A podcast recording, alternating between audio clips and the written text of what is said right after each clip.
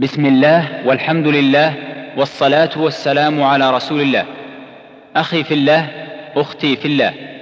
يسر تسجيلات البردين الإسلامية بالرياض أن تقدم لكم هذه الخطبة لفضيلة الشيخ عبد العزيز بن عبد الله آل الشيخ عضو هيئة كبار العلماء وإمام وخطيب جامع الإمام تركي بن عبد الله بمدينة الرياض. إن الحمد لله نحمده ونستعينه ونستغفره ونستهديه ونتوب إليه ونعوذ به من شرور أنفسنا ومن سيئات أعمالنا من يهده الله فلا مضل له ومن يضلل فلا هادي له.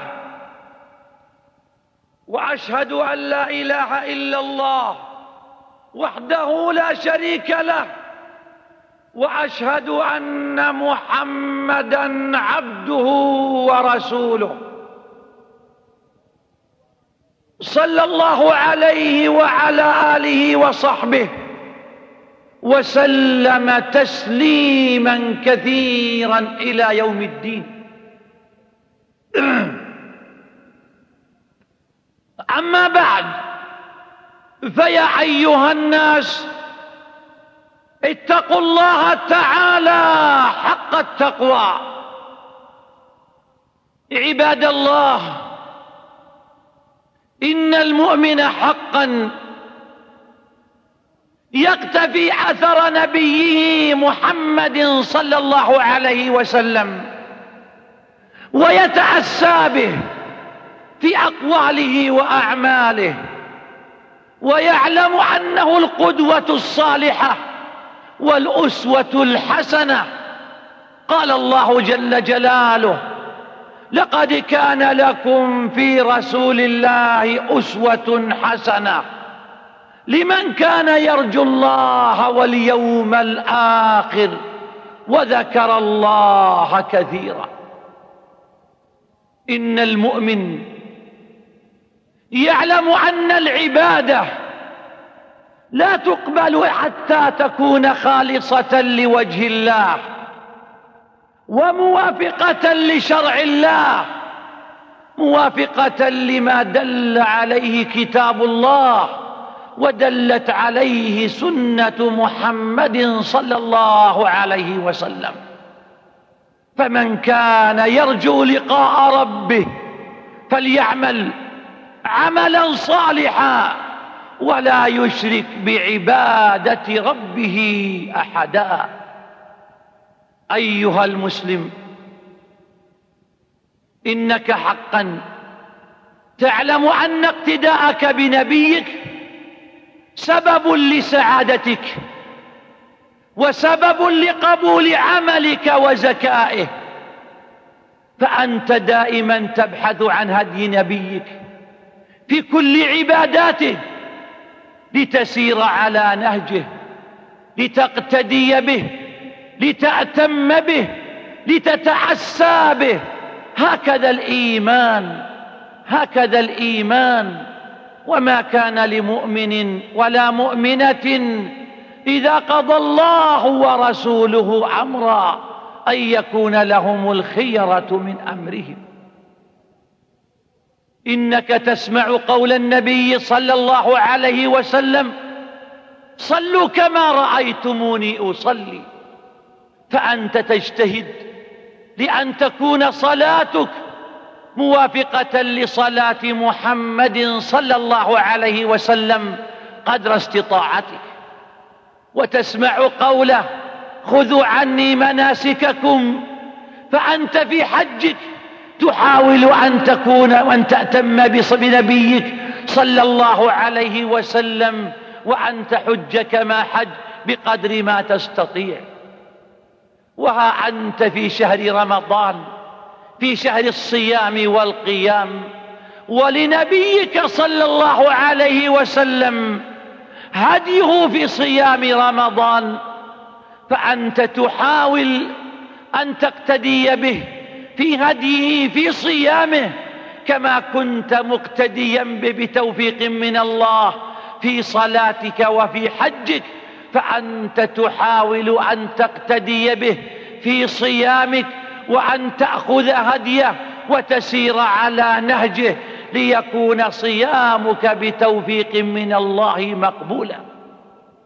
أخي المسلم إن من هدي نبيك في صيامه أنه كان يحافظ على أكلة السحر فكان يحافظ عليها ويرغب فيها ويبين ثوابها ويحث المسلمين على ذلك.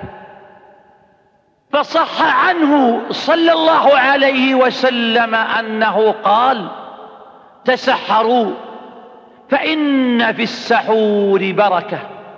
تسحروا فإن في السحور بركة. فأمر بالسحور وبين فائدته وأن فيه بركة تلك البركة.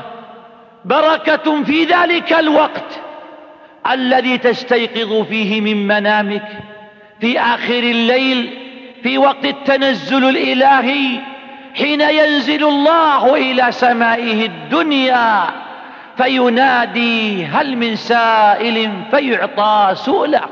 هل من مستغفر فيغفر له؟ هل من تائب فيتاب عليه؟ فأنت تقوم في ذلك الوقت في ذكر لله ورجاء لله وتوبة واستغفار وندم. ثم أنت أيضا تصلي ما يسر الله وتتلو ما يسر الله لك من كتابه. ثم تؤدي الفجر في وقتها مع جماعة المسلمين فذاك فضل عظيم. ومن بركته أنه يعينك في صيامك فتبقى في يومك نشيطا قويا تزاول ما تريد من عمل في نشاط وقوة. ومن فضائله ما بينه صلى الله عليه وسلم بقوله نعم بقوله إن الله وملائكته يصلون على المتسحرين. بين ذلك لما قال تسحروا فإن في السحور بركة وقال في السحور إنه الغداء المبارك فلا تدعوه ولو أن يشرب أحدكم شربة من ماء فإن الله وملائكته يصلون على المتسحرين. إذا فانتظار المسلم لهذا الثواب العظيم وتصديقه بذلك دليل على الإيمان والاقتداء بمحمد صلى الله عليه وسلم. فأنت أخي تنتظر أن يصلي الله عليك وملائكته فيا له من ثواب عظيم.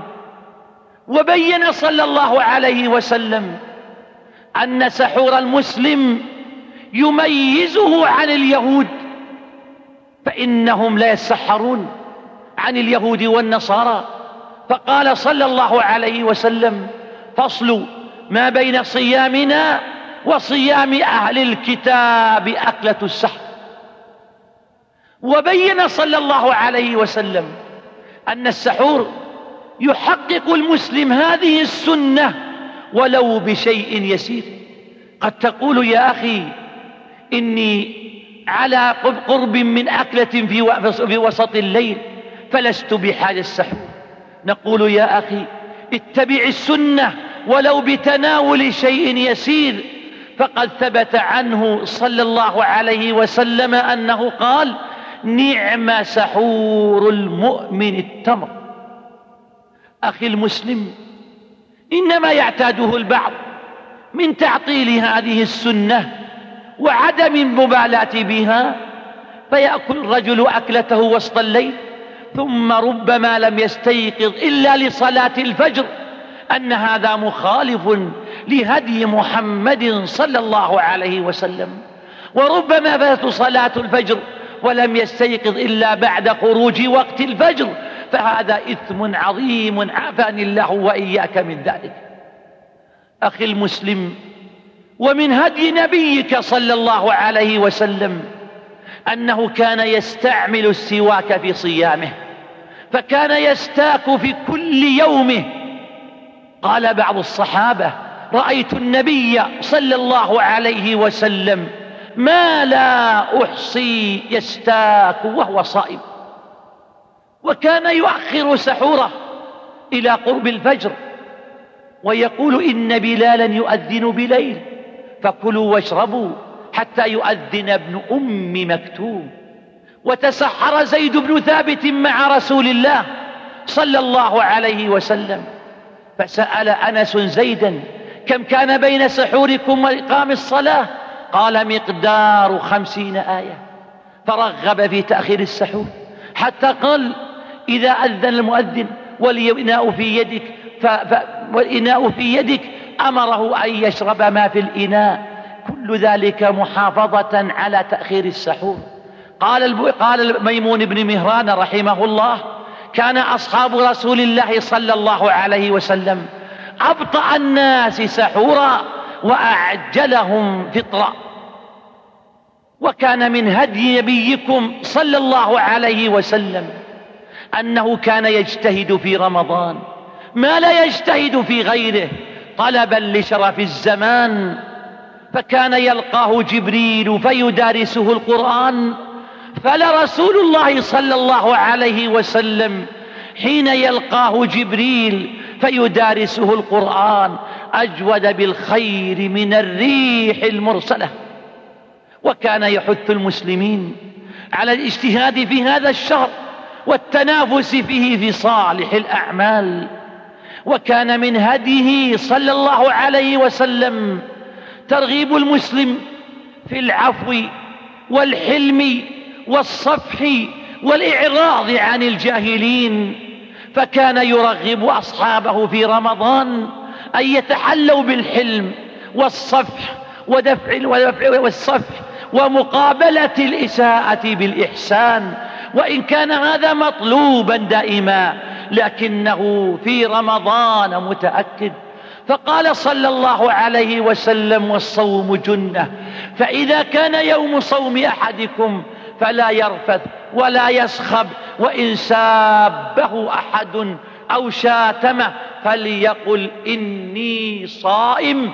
أي فصومي يمنعني أن أخوض مع الجاهلين وأن وأن أخوض مع الجاهلين أو أخاطب المسيئين بل صومي يحملني على مسك لساني ودفع الخير ودفع السوء بالخير. ادفع بالتي هي أحسن فإذا الذي بينك وبينه عداوة كأنه ولي حميم. ومن هدي نبيكم صلى الله عليه وسلم أنه كان يبادر بالفطر متى ما تأكد من غروب الشمس. وكان يقول عن ربه أنه قال أحب عبادي إلي أعجلهم فطرا. وكان يقول لا يزال هذا الدين ظاهرا ما عجل الناس الفطر. وأخبرهم أن اليهود والنصارى يؤخرون فيحث المسلم على المبادرة بالفطر بعد التأكد من الغروب.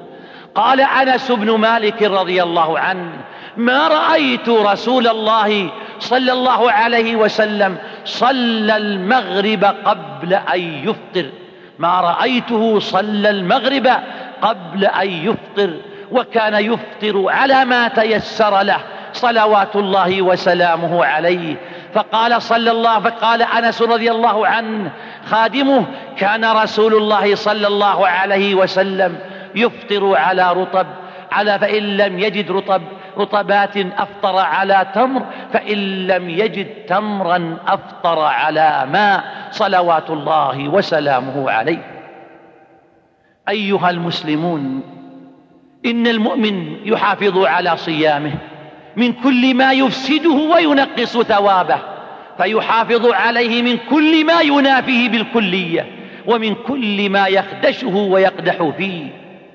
فأولا أجمع المسلمون على أن المسلم في نهار الصيام محرم عليه جماع امرأته وهذا بنص القرآن. فإن الله يقول أحل لكم ليلة الصيام الرفث إلى نسائكم.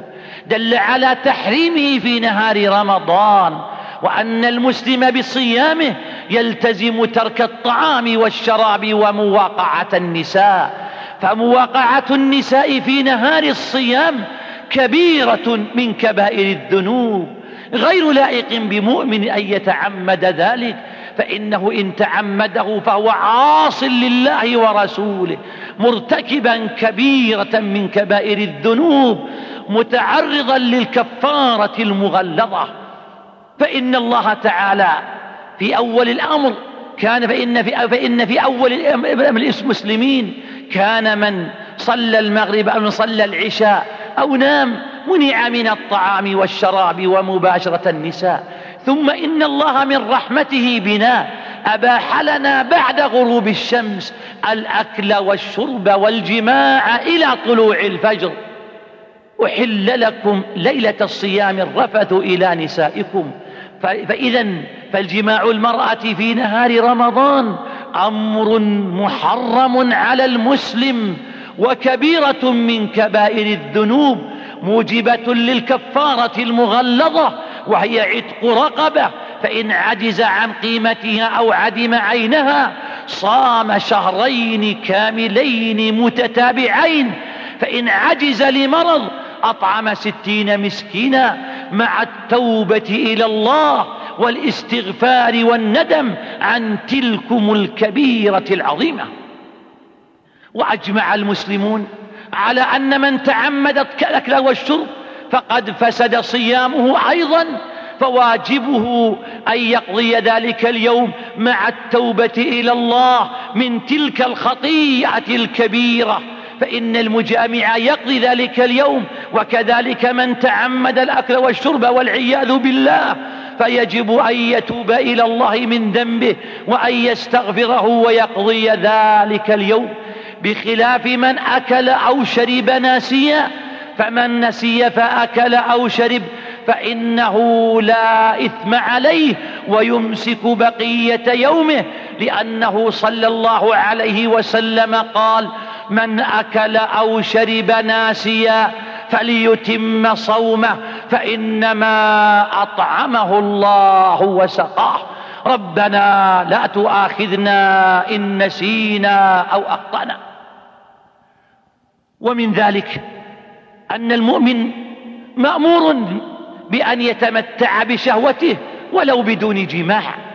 فإن النبي صلى الله عليه وسلم قال في حق الصائم يدع طعامه وشهوته فإن الله قال في حق الصائم يدع طعامه وشهوته لأجلي إذا فاستفراغ المادة المنوية من المسلم في نهار الصيام بأن يستعمل العادة القبيحة المحرمة المسمى بالعادة السرية فإن ذلك مفسد لصيامه إذا تعمد ذلك. لأنه باستخراجه هذه المادة المنوية يكون أيضا يكون قاضيا لشيء من شهوته فيكون صومه بذلك فاسدا فيجب عليه أن يقضي ذلك اليوم.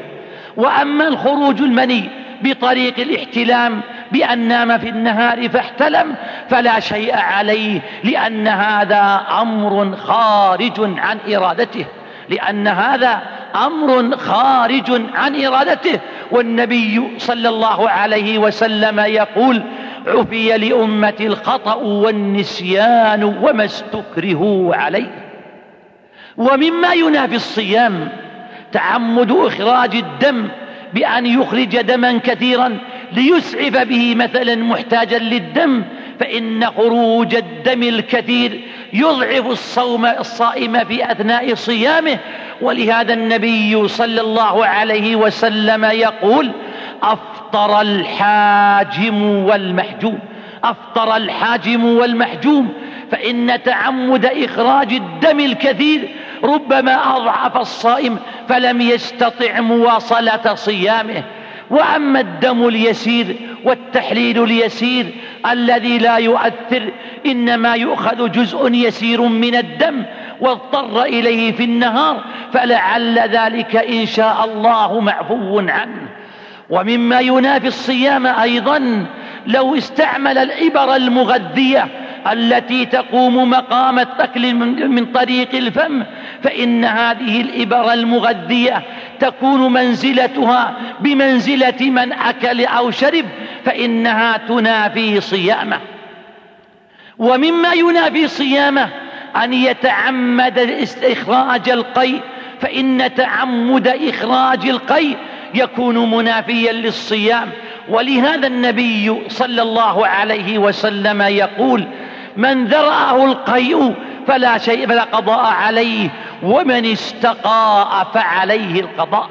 فمن خرج القيء منه من غير اختياره وطلبه بل أمر خارج عن إرادته فإن هذا لا شيء عليه لأنه ليس باختياره وبإرادته. إنما يأثم لو تعمد إخراجه فتعمده مناف للصيام يجب أن يقضي ذلك اليوم. وأما أمور كثيرة فإذا احتاج المسلم إلى وضع أدوية في الجروح مهما كان موضعها من الجسد فإن وضع الدواء في الجروح لا شيء عليه ولا يؤثر على الصائم. تقطيره في أذنه أو أنفه. إن احتاج إلى ذلك واضطر إليه فلعل ذلك لا شيء عليه. استعماله العطورات لا تؤثر أيضا على صيامه.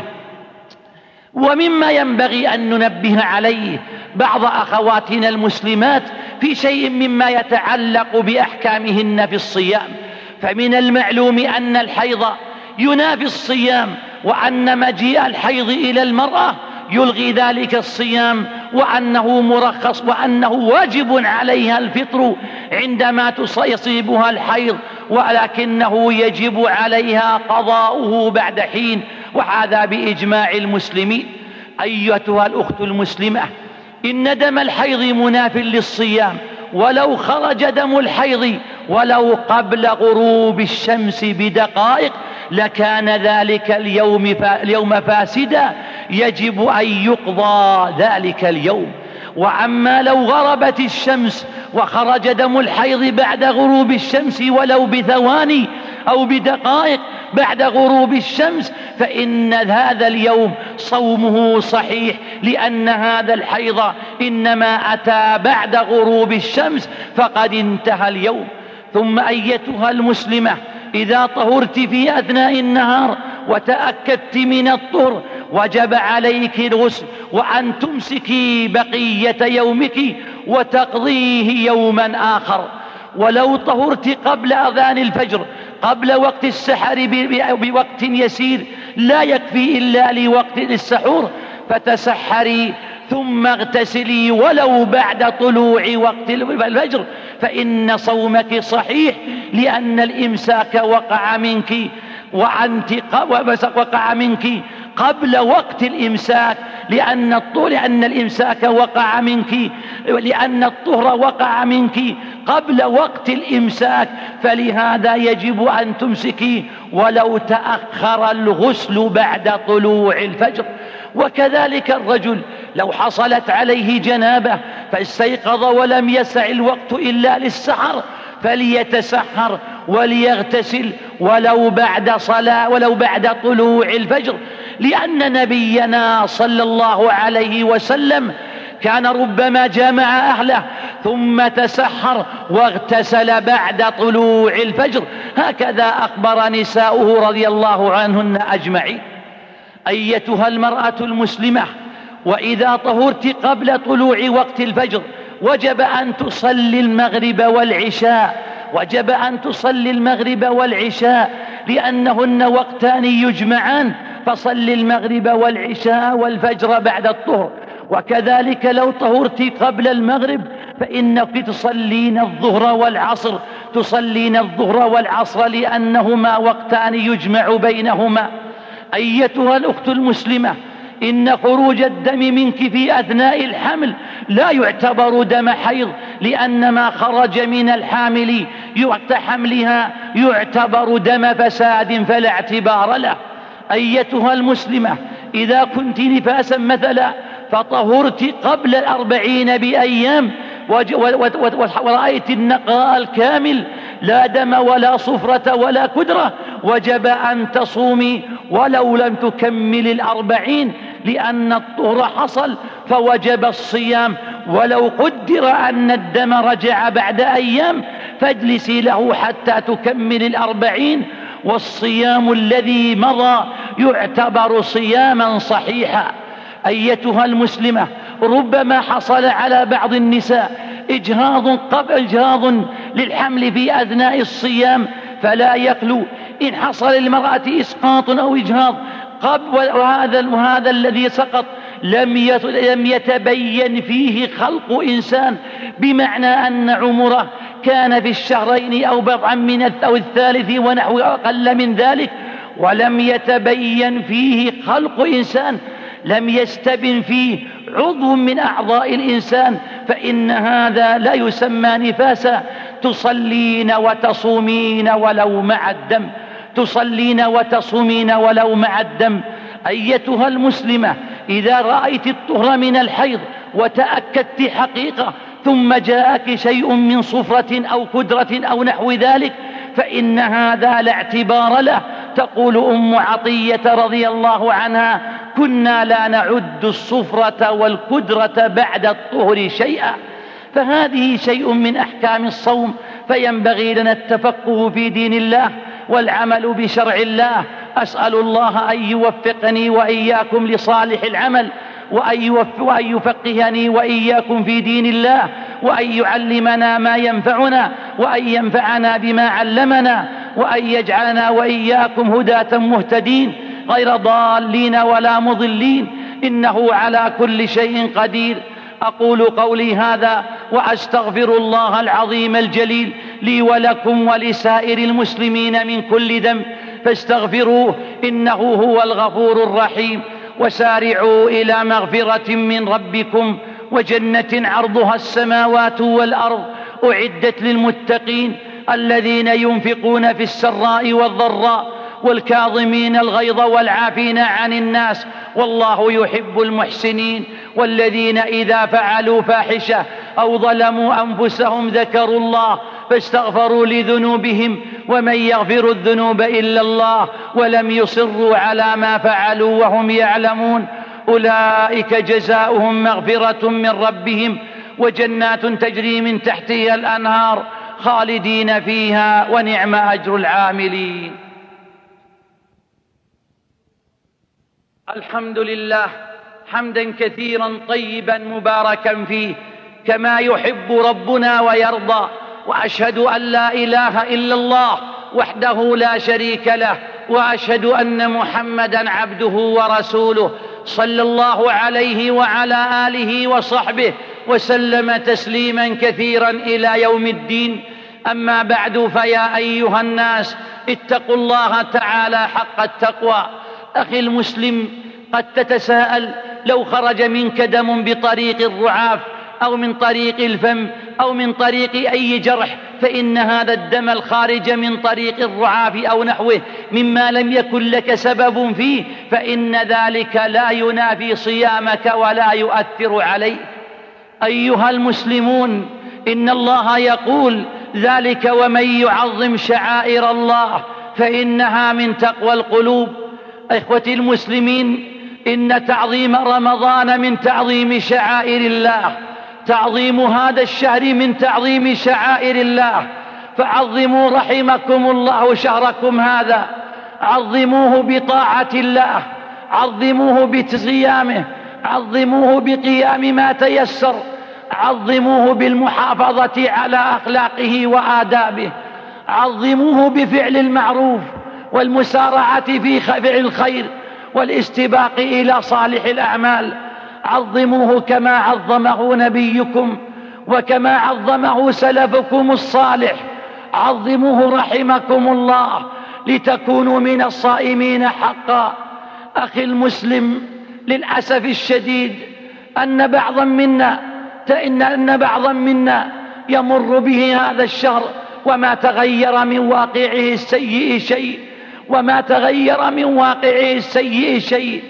نهاره نهاره يمضي في نوم وغفلة وليله في تسكع في الطرقات ومغازلة النساء والقيل والقال والاجتماعات السيئة ومشاهدة الأفلام الهابطة والنظر إلى ما يخدش الكرامة والفضيلة. إخوة المسلمين شهر عظمه الله وخصه بإنزال القرآن فعظموه رحمكم الله بطاعة الله. عظموه بطاعة الله. غضوا الأبصار واحفظوا الفروج ولتصم الجوارح كلها لله. صيام صدق وإيمان.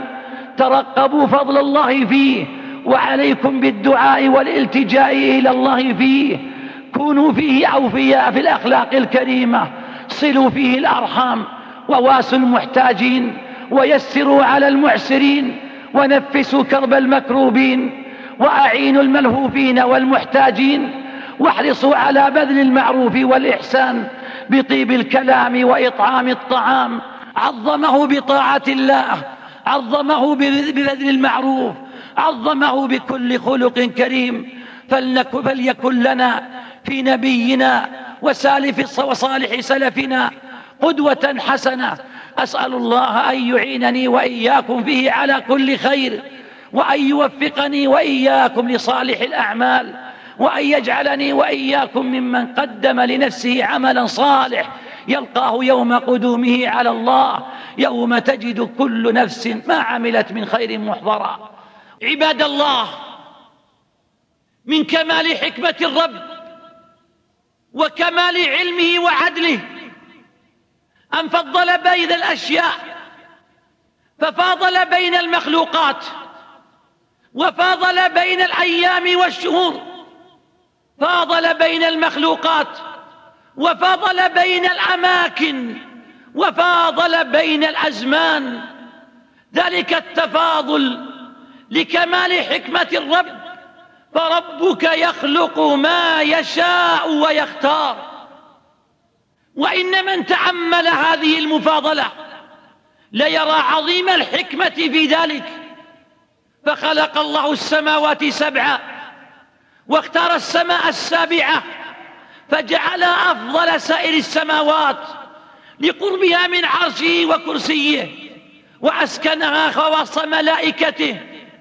فاضل بينها فاضل بين ملائكته فجعل بعضهم أفضل من بعض فأفضلهم جبريل وميكائيل وإسرافيل. فاضل بين المخلوقات ففضل بعضهم على بعض. اختار الرسل من بين سائر خلقه فجعلهم أفضل الخلق. واختار منهم أولو العزم واختار سيدهم محمدا صلى الله عليه وسلم. وهكذا وهكذا الأماكن. فاختار البلد الحرام من بين سائر بقاع الأرض. فجعله أفضل البقاع وأشرفها. أفضل البقاع وأشرفها وأطيبها. ولهذا أوجب على كل مسلم في عمره مرة زيارة هذا البيت والطواف به. إن أول بيت وضع للناس للذي ببكة مباركا وهدى للعالمين. وفاضل بين الأيام. فجعل يوم الجمعة أفضل أيام الأسبوع وجعل الاثنين والخميس أفضل من سواهما.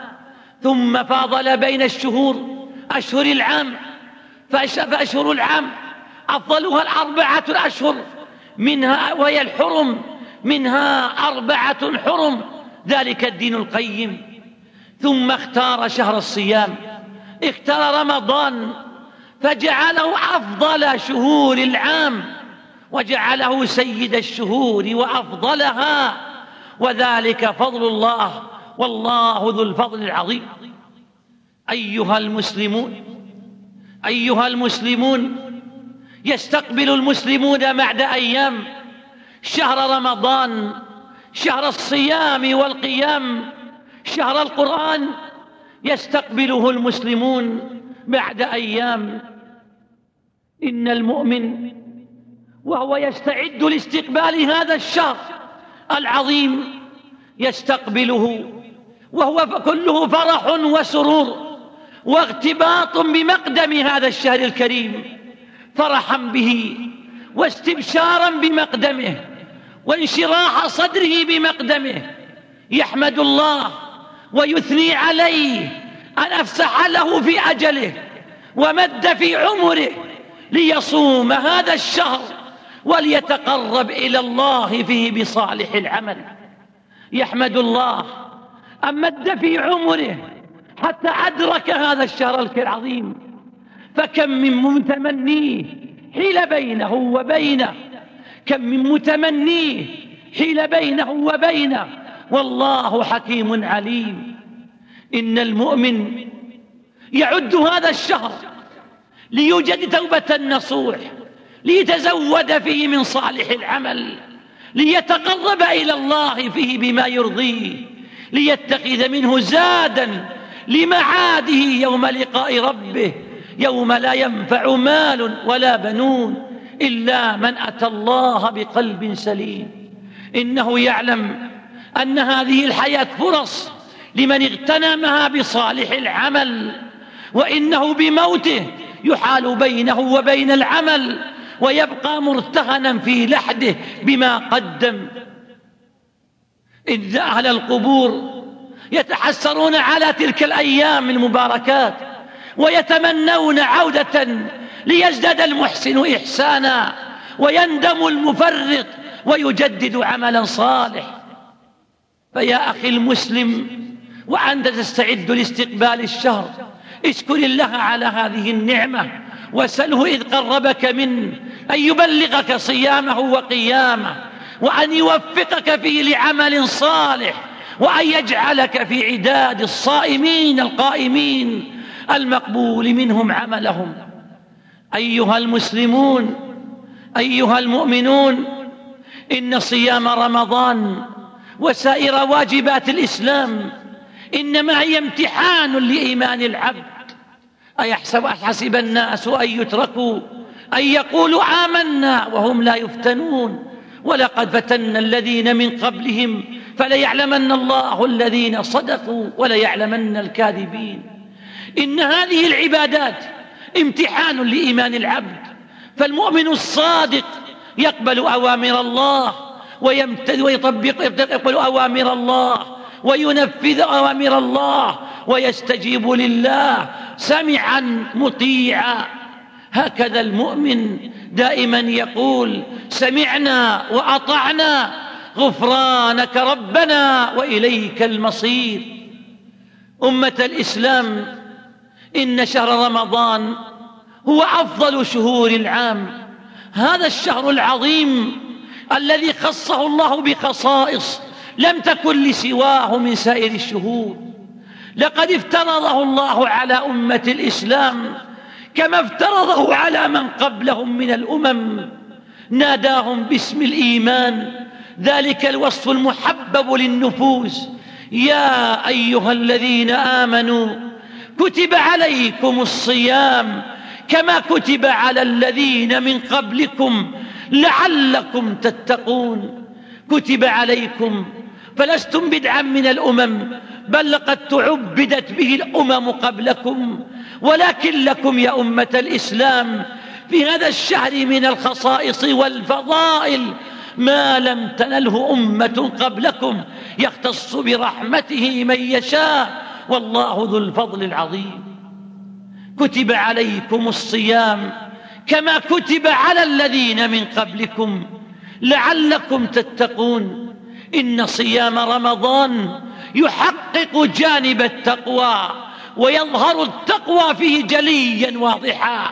ذلكم يا عباد الله أن هذا الصيام إمساك عن الطعام والشراب والنساء من طلوع الفجر الثاني إلى غروب الشمس. وإن المسلم ليمسك عن ذلك. رآه الناس أم غابوا عنه؟ هو في خلواته لا يعلمه إلا الله لكنه يترك تلك المشتهيات مع ميل النفوس لها وحب النفوس لها لكن يتركها لله تقربا إلى الله. وطلبا لمرضات الله الذي أراد منه تركها وتعبده بتركها فهو يراقب الله ذلك لمن خاف مقامي وخاف وعيد. وإن الإخلاص ليقوى فيها الصيام وإن جانب الإخلاص ليقوى وإن المؤمن يستطيع بخلوته. أمامه طعامه وشرابه وامرأته. ولكن يدع ذلك لأن الله يراقب رقيب عليه وعالم بسره وعلانيته. الذي يراك حين تقوم وتقلبك في الساجدين. فخوفه من الله دعاه لترك تلك المشتهيات فيقوى جانب التقوى. إن الله مع الذين اتقوا والذين هم محسنون. وإنه ليذكره عندما يحس بالجوع والظمأ. عظيم نعم الله عليه فيدعوه إلى شكرها بقلبه ولسانه وجوارحه فيقوى جانب التقوى وإنه ليدعوه إلى معرفة حال المحتاجين والمعوزين ومن يتركون تلك الأشياء عجا عنها فيدعوه إلى الإحسان وبذل المعروف وإنه ليذكره بعظيم نعم الله عليه فيزداد تواضعا لله واستكانة لله وذلا لله ومعرفة لكمال فضل الله وإحسانه عليه وإنه ليروضه يروضه على ترك المشتهيات المباحة فيدعوه ذلك إلى ترك ما حرم الله عليه في كل آن وحين. إن الصوم لعبادة لله وطاعة لله وقربة يتقرب بها المسلمون إلى الله. أيها المسلمون وإنه لشهر محدود الأيام شهر رمضان الذي أنزل فيه القرآن. وإنه أياما معدودات فهو شهر من بين اثني عشر شهرا أوجبه الله على المسلمين لكي تزكي أخلاق يزكي أخلاقهم ويهذب سلوكهم ويطهر قلوبهم ويرتقي بهم إلى الخير والهدى. شهر رمضان الذي أنزل فيه القرآن هذا الشهر الكريم أنزل الله فيه الفرقان. أنزل الله فيه على نبينا القرآن الذي فيه هدايتنا وسعادتنا وصلاح ديننا ودنيانا والذي هو شرف لنا فحقا لنا أن نفتخر بهذه النعمة العظيمة والفضل الكبير وإنه لذكر لك ولقومك وسوف تسألون أمة الإسلام افترض الله الصيام على أهل الإسلام في العام الثاني من الهجرة وكان الصيام أولا. يخير المسلم القادر بين أن يصوم وبين أن يفدي بين أن يصوم وبين أن يطعم. فلما استقر في نفوسهم الصيام وألفوه افترضه الله جميع المسلمين جميعا. فقال فمن شهد منكم الشهر فليصمه. ثم إن الله جل ثم إن المسلمين في أول الأمر.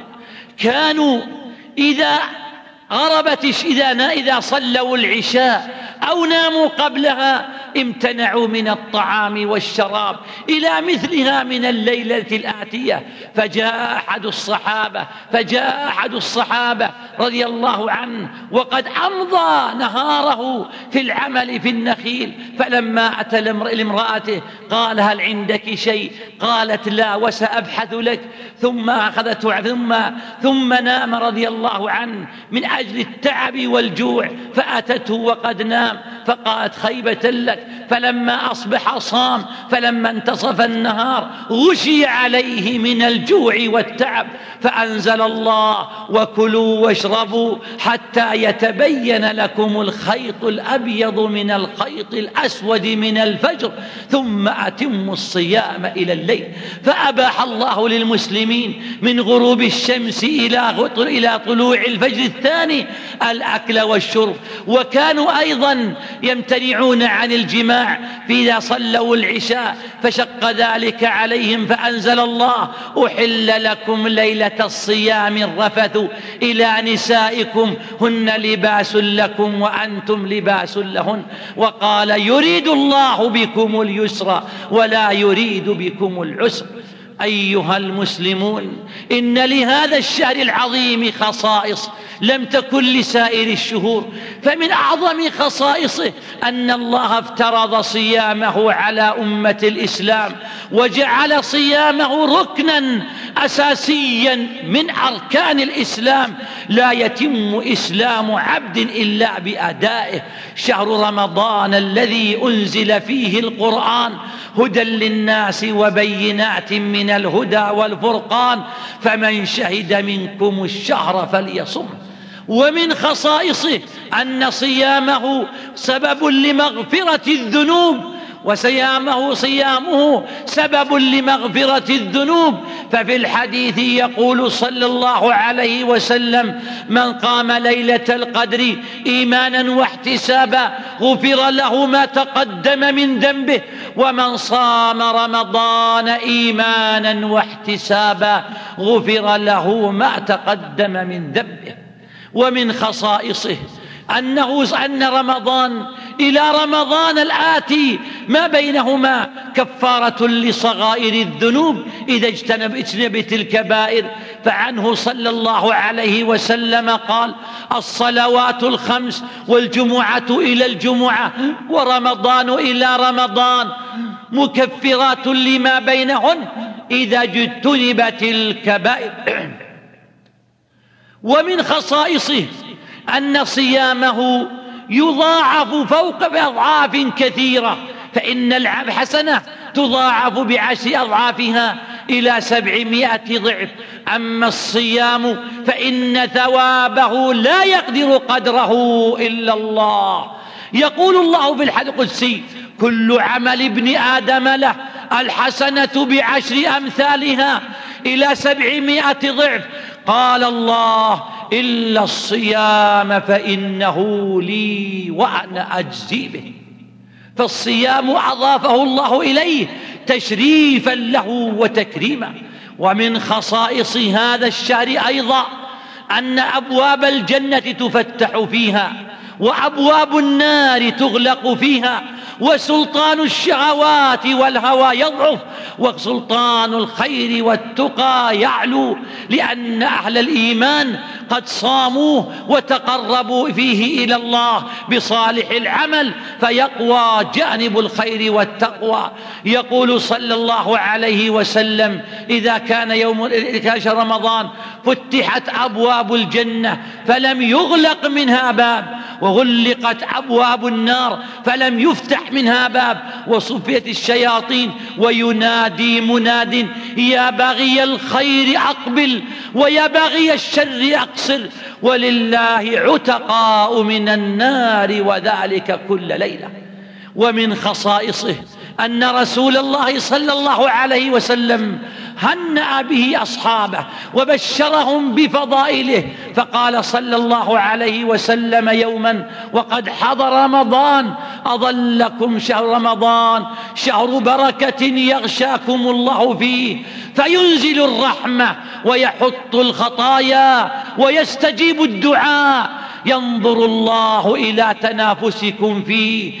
فيبعي بكم ملائكته. فأروا الله من أنفسكم خيرا. فإن الشقي فيه من حرم رحمة الله. وبين صلى الله عليه وسلم أن الناس في استقبالهم لهذا الشهر متفاوتون.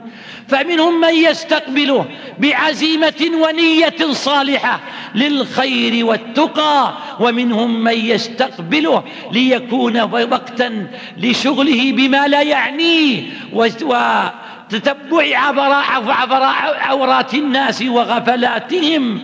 فالمؤمن يستقبله بالنية الصالحة فيكتب له أجره ونوافله قبل أن يدخل هذا الشهر. يقول صلى الله عليه وسلم أظلكم شهر رمضان بمحلوف رسول الله صلى الله عليه وسلم. ما مر بالمسلمين شهر خير لهم منه ولا بالمنافقين شر شهر شر لهم منه بمحلوف رسول الله صلى الله عليه وسلم إن المؤمن يعد فيه النفقة للعبادة. ويعد فيه الفاجر تتبع غفلات الناس وعوراتهم فهو غنم للمؤمن يغتنمه الفاجر. أيها المسلمون وقد خصت وقد خصت هذه الأمة بخصائص أيضا فعنه صلى الله عليه وسلم أنه قال أعطيت أمتي في رم خمس خصال في رمضان لم تعطها أمة قبلهم. خلوف فم الصائم أطيب عند الله من ريح المسك وتستغفر لهم الملائكة حتى يفطروا ويزين الله جنته فيقول يوشك عباد الصالحون أن يلقوا عنهم المؤونة ويصيروا إليك وتصفد فيه مرض الشياطين فلا يخلصون فيه إلى ما كانوا يخلصون. فيه إلى غيره ويغفر لهم في آخر ليلة. قالوا أهية القدر؟ قال لا ولكن العامل إنما يوفى أجره إذا قضى عمله. إن نبينا صلى الله عليه وسلم كان يذكر أصحابه قرب رمضان بفضائل رمضان وخصائص رمضان ليشحذ هممهم ليقوي عزائمهم ليعظم رغبتهم في الخير. ليطمعهم بما أعد الله للصائمين. فكان يذكر لهم خصائص رمضان ويبينه في آخر يوم من شعبان. روى ابن خزيمة رحمه الله عن سلمان الفارسي رضي الله عنه قال خطبنا رسول الله صلى الله عليه وسلم في آخر يوم من شعبان فقال أيها الناس قد أضلكم شهر عظيم مبارك. شهر فيه ليلة خير من ألف شهر. شهر جعل الله صيامه فريضة وقيام ليله تطوعا. من تقرب فيه بخصلة من خصال الخير كان كمن أدى فيه فريضة. ومن أدى فيه فريضة كان كمن أدى سبعين فريضة فيما سواه.